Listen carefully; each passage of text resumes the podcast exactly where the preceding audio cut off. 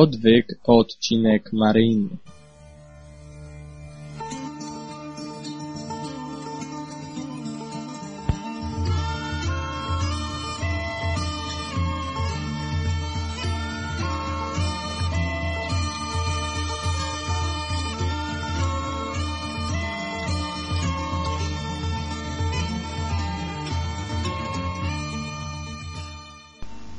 Witam w podcaście Odwyk, jedynym polskojęzycznym podcaście o Bogu i o Biblii, którego warto słuchać. Ja może od razu na początku wyjaśnię, co się stało z Martinem. Nie mam bladego pojęcia. Według informacji, jakie mam, to pojechał sobie na wycieczkę i mu się nie chce nagrywać odwyku. No więc y, postanowiłem, że się z nim dogadam, y, że trochę ja ponagrywam za niego. Na razie on jeszcze o tym nie wie. W momencie, kiedy ja to mówię, on o tym nie wie dopiero mam zamiar się z nim dogadać. E, ja jestem e, Kylu i być może mm, już mnie znacie z, z masy krytycznej albo z, z podcastu Koczowisko, e, albo z komentarzy, albo kto wie, może nawet z mojego nowego własnego podcastu podcaststudencki.pl albo podcaststudencki.com. Od czasu do czasu sobie tu i ówdzie występuję. I teraz akurat trafiłem tutaj, a że jako e, wydaje mi się, że mam jakąś wiedzę na temat tego, co mówi Biblia, to kto wie, może Martin uzna, że e, poziom tego, co teraz będę mówił, jest e, w miarę przyzwoity i puści mnie u siebie na stronie. I może, żeby już za bardzo nie przedłużać i nie, ch nie chcąc zmieniać za bardzo formuły odcinka, to może na początek właśnie odpowiem na pytania, jakie pojawiały się w e, poprzednich komentarzach, e, w komentarzach pod ostatnim odcinkiem. Co Biblia mówi o grzechu śmiertelnym? Pyta na przykład Kajto w komentarzu. No otóż Biblia ogólnie o grzechu mówi, że zapłatą za grzech jest śmierć. No i teraz Jezus, który sam, no jak Biblia mówi, grzechu nie miał, tą zapłatę no, poniósł. Więc, y, więc my teraz, my teraz tego y, ponosić nie musimy dzięki temu. Y, natomiast no, mówi też Biblia o niektórych takich przypadkach, w których grzechy człowieka nie zostaną odpuszczone i jednak będzie musiał samemu też śmierć ponieść. Paweł pisze o Bogu, że Bogu zależy na tym, aby wszyscy, wszyscy do Niego przyszli i wszyscy zostali zbawieni, ale mówi też, że jeżeli ktoś otrzymawszy poznanie prawdy rozmyślnie grzeszy, nie ma już dla niego ofiary za grzech. No więc myślę, że tu chodzi po prostu o świadome odrzucenie tej prawdy, że właśnie Jezus przyszedł na ziemię po to, aby zapłacić e, tą opłatę za grzechy, no, której, którą my powinniśmy ponieść. No już e, Martin to w jednym odcinku tłumaczył dokładnie, ja tu nie chcę za bardzo się powtarzać na czym polega y, sens tego, że Jezus musiał y, na ziemię przyjść. Dalej Michał pyta, co Biblia mówi o magii, czarnoksięstwie, wiedźmach, przepowiadaniu przyszłości i tak. No więc mówiąc krótko, y, Biblia nazywa takie praktyki obrzydliwością. Jeżeli ktoś takie rzeczy robi, no to dla Boga jest to e, no tak samo jak dla człowieka na przykład krowi placek. No dla mnie krowi placek jest czymś obrzydliwym. No to tak samo, tak samo obrzydliwością jest dla, dla Boga mm, na przykład y, stawianie tarota, albo na przykład korzystanie z usług wróżki, albo posługiwanie się horoskopami. I jeżeli na przykład czytasz horoskop i wierzysz w to, co jest w nim napisane, no to według Boga popełniasz obrzydliwość. Albo na przykład jesteś na letnim obozie i bawisz się z kolegami i koleżankami w wywoływanie duchów. To dla Boga jest to coś bardzo, bardzo złego. I właśnie między innymi, prze, między innymi przez takie praktyki Bóg wypędził y, przed Izraelem y, te ludy, które, które zamieszkiwały y, ziemię, tą ziemię kananejską, no przed, przed wyjściem z, z Egiptu. Dawid ciekawe pytanie zadał. Y, Martin, dlaczego demonowi zależy na tym, aby pozostać w ciele człowieka nierozpoznanym jak najdłużej w przypadku opętania? Co? Biblia raczej nic o tym nie mówi, ale może ty coś powiesz. No tu w sumie rzeczywiście y, lepiej byłoby, jakby się Martin wypowiedział. No ale to trzeba byłoby poczekać, aż on wróci. No ja nigdy nie miałem do czynienia z demonami, a Martin podobno, Martin podobno miał okazję e, wyrzucać demona, no to być może, być może coś wie na ten temat. Natomiast jeżeli chodzi o to, co Biblia mówi na ten temat, to w e, Ewangelii Łukasza jest opisany taki przykład, jak Jezus wypędzał e, demony z pewnego człowieka. No tam była taka sytuacja, że on razem z uczniami przeprawił się tam do jakiejś e, obcej, ob, do obcego kraju. No jak wyszy, wyszli na ląd, to mm, zaraz przy, przyleciał właśnie ten opętany gość. No i tam zaczął krzyczeć, nie dręcz nas, nie dręcz. Czego od nas chcesz? Daj nam spokój. I Jezus go pyta, jak ci na imię? A on odpowiedział, Legion, bo wiele złych duchów weszło w niego. Te prosiły Jezusa, żeby im nie kazał odejść do czeluści. A była tam duża trzoda świń pasących się na górze. Prosiły go więc złe duchy, żeby im pozwolił wejść w nie. I pozwolił im. No więc to pokazuje, że jak y, taki demon nie może pozostać w człowieku, no to musi odejść do jakiejś czeluści. To w sumie nie wiem dokładnie o jaką czeluść może chodzić. Martin swego czasu mówił właśnie o jakichś otchłaniach, o piekle, co to, są, co to są za miejsca, co Biblia o tych miejscach mówi. No i tam wymieniał, że jest Hades, jest Gehenna. No w tym fragmencie jest akurat użyte słowo abysson, które tłumaczy się właśnie na, na otchłań, na przepaść też czasem, y, albo na czeluść. I y, jest to samo użyte w, w liście do Rzymian w dziesiątym, w dziesiątym rozdziale, w siódmym wersecie, właśnie w kontekście, w kontekście miejsca, w którym, w którym przebywają umarli. No w każdym razie jest to na pewno jakiś nieprzyjemny stan, no czym może świadczyć chociażby to, że demony prosiły, aby pozwolił im wejść w świnie, byleby do tej czeluści nie musiały, nie musiały wracać. No, być częścią świni to chyba y, nic, nic przyjemnego. Ciekawe pytanie zadaje Hydroksygen 4725. Hejka, chciałbym może nie o odcinku, ale żebyś w następnym odwyku poruszył temat, nad którym siedzę od dłuższego czasu. Otóż, paradoks omnipotencji, czyli czy Bóg może stworzyć kamień tak ciężki, by sam nie mógł go podnieść? Oczywiście, że tak, przecież jest wszechmogącym Bogiem. I nie ogranicza go tu w żaden sposób logika, a więc mimo tego, że ten kamień jest taki ciężki, to i tak może go podnieść.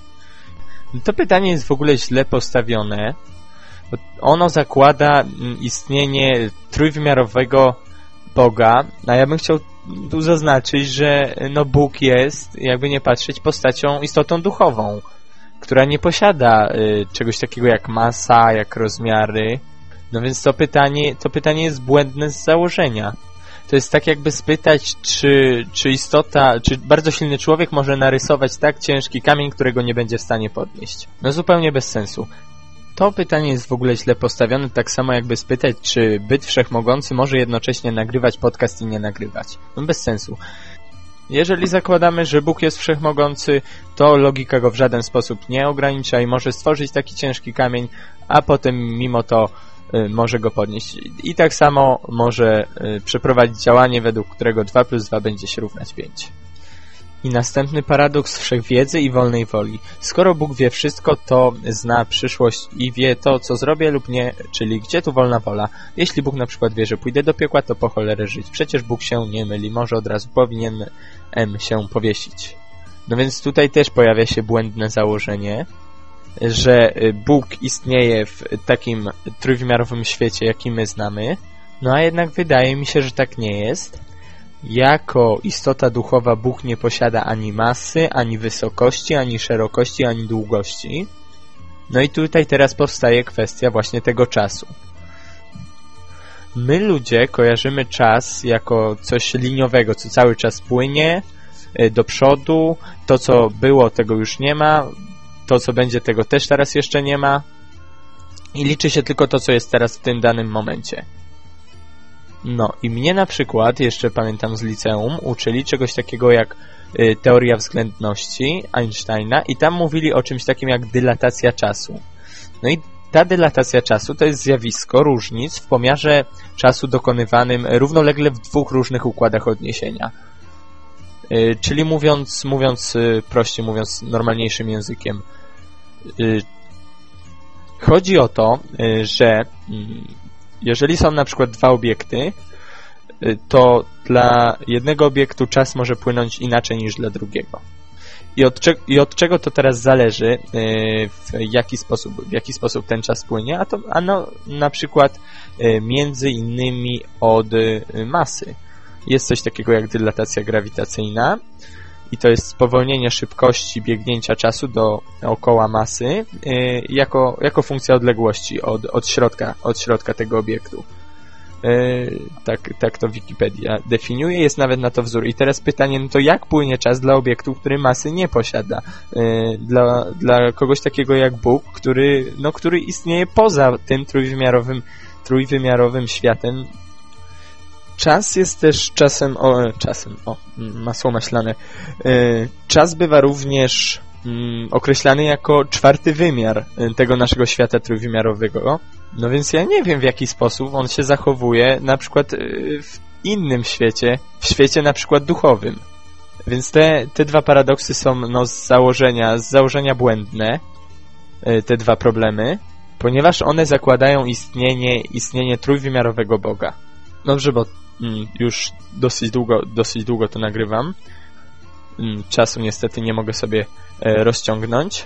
To może ja teraz przejdę już do głównego tematu odcinka, czyli to, czego jeszcze nie było w odwyku, a, wie, a wiele ludzi e, no, w komentarzach nawiązywało do tego, czyli właśnie o co chodzi z tą Maryją i z Matką Boską. Wiele osób prosiło w komentarzach właśnie między innymi o objawienia maryjne, wyjaśnienie. Y, jeżeli chodzi o samą postać Marii, no to teraz pewnie katolicy sobie myślą, a będzie najeżdżał na Matkę Boską. A protestanci sobie myślą, no ale nudzić będzie, przecież wszyscy wiedzą, że Matka Boska to inkubator. Był tylko dla Jezusa. ta tradycja, która w kościele katolickim narosła w, wokół, wokół Maryi, Marii, wokół Miriam, no nie ma nic wspólnego y, z tym, co mówi Biblia. No ale może niech y, idźmy po kolei. Tradycja katolicka już pierwszych wzmianek na temat y, Marii doszukuje się na samym początku w Księdze, w Księdze Rodzaju, gdzie opisany, gdzie opisany jest właśnie ten tak zwany grzech pierworodny, gdzie Bóg mówi do, do węża wprowadzę nieprzyjaźń między ciebie a niewiastę, pomiędzy potomstwo twoje a potomstwo jej, no i tam dalej ono zmiażdży ci głowę, a ty zmiażdżysz mu piętę i tak yy, podaje komentarz w Biblii Tysiąclecia, w proroctwie tym, zwanym protoewangelią, czyli niejako brzaskiem dobrej nowiny, mowa jest tylko o Mesjaszu i jego matce, z zupełnym pominięciem pierwszego mężczyzny. Czyli niejako tutaj przyrównuje Ewę do, do Marii. Dosyć dziwne porównanie, jako że Paweł na przykład porównuje Adama do Jezusa. No ale mniejsza z tym. Y, potem długo, długo w Biblii nie ma nic na temat, y, na temat y, Matki Jezusa, aż do, aż do księgi Izajasza, do małej wzmianki w księdze Izajasza, gdzie tak jest napisane, oto Pan pocznie i poradzi, porodzi syna, którego nazwą imieniem Emanuel. Emanuel to jest, y, tak w wolnym tłumaczeniu, y, Bóg z nami, czyli tak z niemieckiego Gott mit uns. I to w sumie wszystko, co Stary Testament mówi na temat Marii, o ile y, wzmianek o Jezusie jest bardzo dużo i co, co chwilę jakieś można spotkać, to, to chyba wszystko, co można spotkać w Starym Testamencie na temat Jego Matki. Dopiero spotykamy Maryję ponownie w Nowym Testamencie. No bo protestanci to w sumie mają takie podejście, że Maryja to w sumie była y, tylko inkubatorem dla Jezusa i poza tym to ona tam żadnego znaczenia nie miała i była zwykłą dziewczyną. No nie można tak powiedzieć, bo jednak no musimy sobie uświadomić, że ona żyła w takich czasach, w takim miejscu, w takiej kulturze, gdzie panna z dzieckiem, no to raczej nie było coś często spotykanego. No i to niewątpliwie wymagało ogromnej wiary, żeby się zgodzić na coś takiego.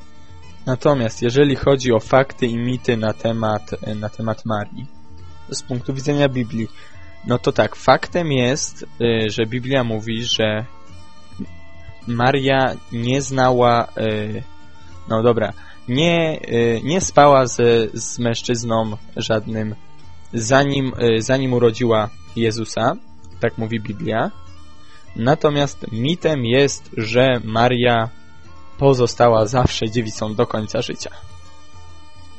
Biblia z imienia podaje braci Jezusa i jakby tu nie próbować analizować kontekstu, to jednak chodzi o rodzonych braci, a ponadto o Józefie, czyli o jej mężu. Jest tak napisane w Ewangelii Mateusz. Józef uczynił tak, jak mu polecił anioł pański, wziął swoją małżonkę do siebie, lecz nie zbliżał się do niej, aż porodziła syna. No tu jest napisane, aż porodziła syna, no więc po narodzinach, no to to już normalne jest w małżeństwie, że dwie y, osoby, mąż i żona, tam ze sobą ręcym cym. No w sumie to są wszystkie takie istotniejsze fakty na temat, y, na temat Maryi, jakie Biblia podaje na temat Marii. Czyli podsumowując, nie spała z mężczyzną zanim urodziła Jezusa, a poza nim miała jeszcze inne dzieci. To tyle jeżeli chodzi o Marię biblijną, natomiast jeżeli chodzi o te wszystkie mity, które mm, wokół niej narosły przez 2000 lat, no to jednak stoją w sprzeczności z innymi treściami zawartymi w Biblii. I tak na przykład dogmat o niepokalalnym poczęciu Najświętszej Maryi Panny. Jest w kościele coś takiego, ogłoszony przez papieża Piusa IX w 1854 roku. Nie ma w Biblii ani słowa o tym. Y, natomiast Kościół katolicki tłumaczy sobie to słowami y, Archanioła Gabriela, który w Biblii występuje, który powiedział do y, Marii, że jest pełna łaski. No ale to jeszcze o niczym nie świadczy, bo nie tylko o Marii tak było powiedziane w Biblii, o Szczepanie na przykład też jest też jest napisane, że był pełen łaski i mocy i działał cuda. I co to znaczy, że był y, niepokalany, po, niepoczę, poczęty, tfu, poczęty niepokalanie? No raczej nie. A ponadto Biblia mówi wyraźnie, że y, wszyscy zgrzeszyli i tylko Jezus był jedyny bez grzechu. I ten dogmat był ogłoszony przez papieża Piusa IX y, jako ex cathedra, czyli w sposób rzekomo nieomylny, i to był jeden z dwóch przypadków w historii Kościoła, kiedy, kiedy coś było właśnie e, ogłoszone czy wypowiedziane jako ekskatedra. Innym przykładem jest e, właśnie tego, tego tak zwanego ekskatedra jest ogłoszenie dogmatu o wniebowzięciu Najświętszej Marii Panny. Czyli dogmat o tym, że Matka Jezusa po śmierci została wzięta do nieba razem z ciałem i duszą i również nie ma na ten temat w Biblii ani słowa. Maryja jako pośredniczka. Jest w kościele katolickim taki tytuł dla, dla Marii, co też niestety stoi w sprzeczności ze Słowem Bożym, ponieważ Paweł apostoł pisze wyraźnie, że jedynym pośrednikiem między człowiekiem a Bogiem jest Jezus Chrystus. Pierwszy list do Tymoteusza, drugi rozdział, piąty werset. Nie wiem, jakie tam w sumie jeszcze dogmaty są na temat e, Miriam, Natomiast jeżeli chodzi o to, co też było e, poruszane w komentarzach, czyli objawienia maryjne, bo o tym jeszcze nie, nie było mowy, no to tu za chwilę wzbudzę wielkie oburzenie. W ogóle Martin powinien dać na stronie głównej jakąś informację, że e, wchodząc na, tej, na tą stronę mo, mogą zostać obrażone twoje uczucia religijne i jeżeli na przykład łatwo wytrącić się z równowagi, to wyjdź z tej strony. No ale mniejsza z tym, e, wracając do tematu.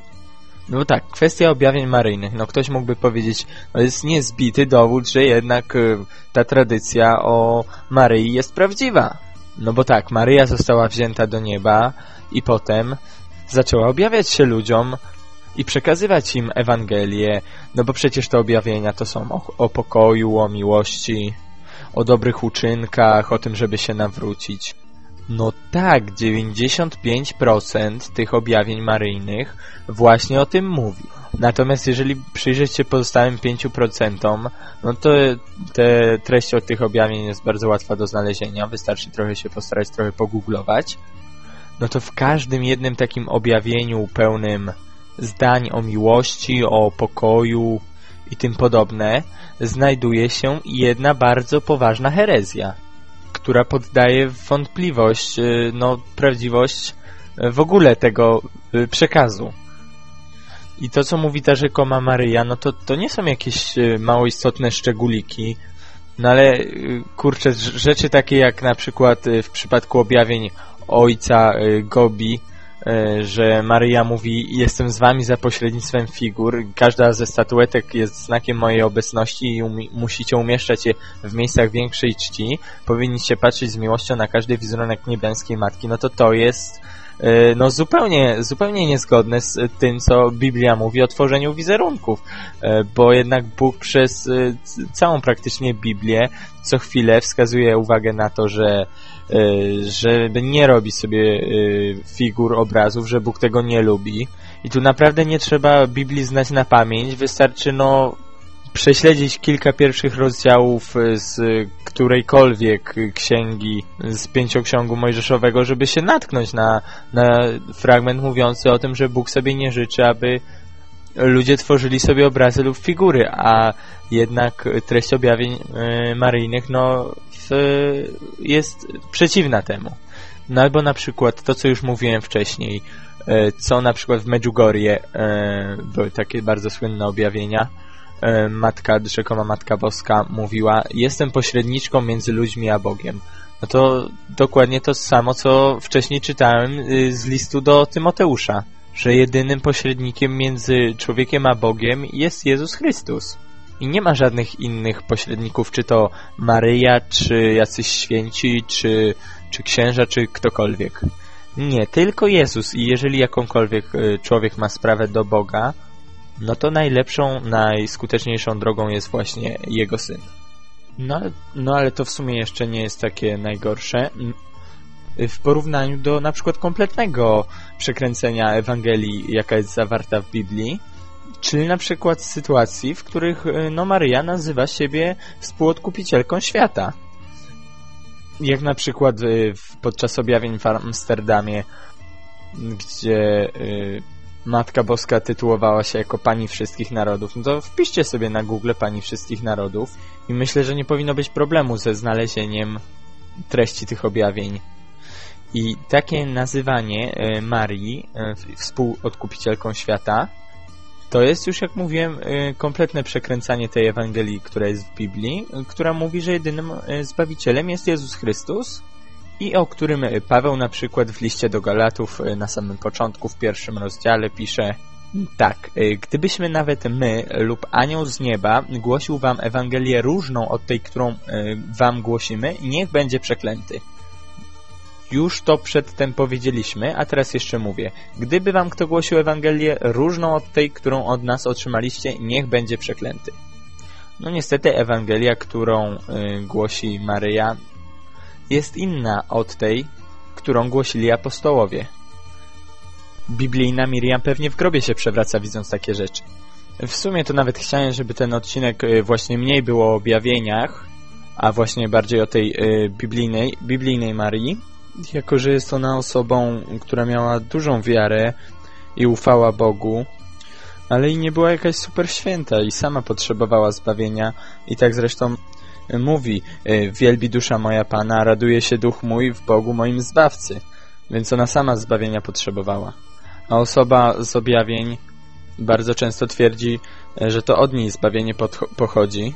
No dlatego ja tu nie chcę żadnych wniosków narzucać, a może, może i powinienem. No w każdym razie, już mówiłem, te objawienia są dostępne, można zagooglować, e, Biblię chyba każdy w domu ma. To nie jest trudne, wystarczy umieć czytać ze zrozumieniem i znaleźć sobie na przykład drugi list do Koryntian y, i jedenasty rozdział, gdzie w czternastym wersecie jest napisane Sam bowiem szatan podaje się za anioła światłości. No to, czy objawienia maryjne pochodzą od Boga, czy od szatana, mm, to już niech każdy sobie sam rozsądzi. Zresztą Odwyk z założenia jest podcastem, który mówi o tym, co mówi Biblia. Biblia zbyt wiele o Marii nie mówi, a na pewno nie mówi tego, co Najświętsza Maria Panna. Piszcie w komentarzach, co o tym wszystkim myślicie. Ten odcinek był taki bardzo teoretyczny. Następny mam nadzieję, że będzie taki bardziej e, coś, coś bardziej życiowego.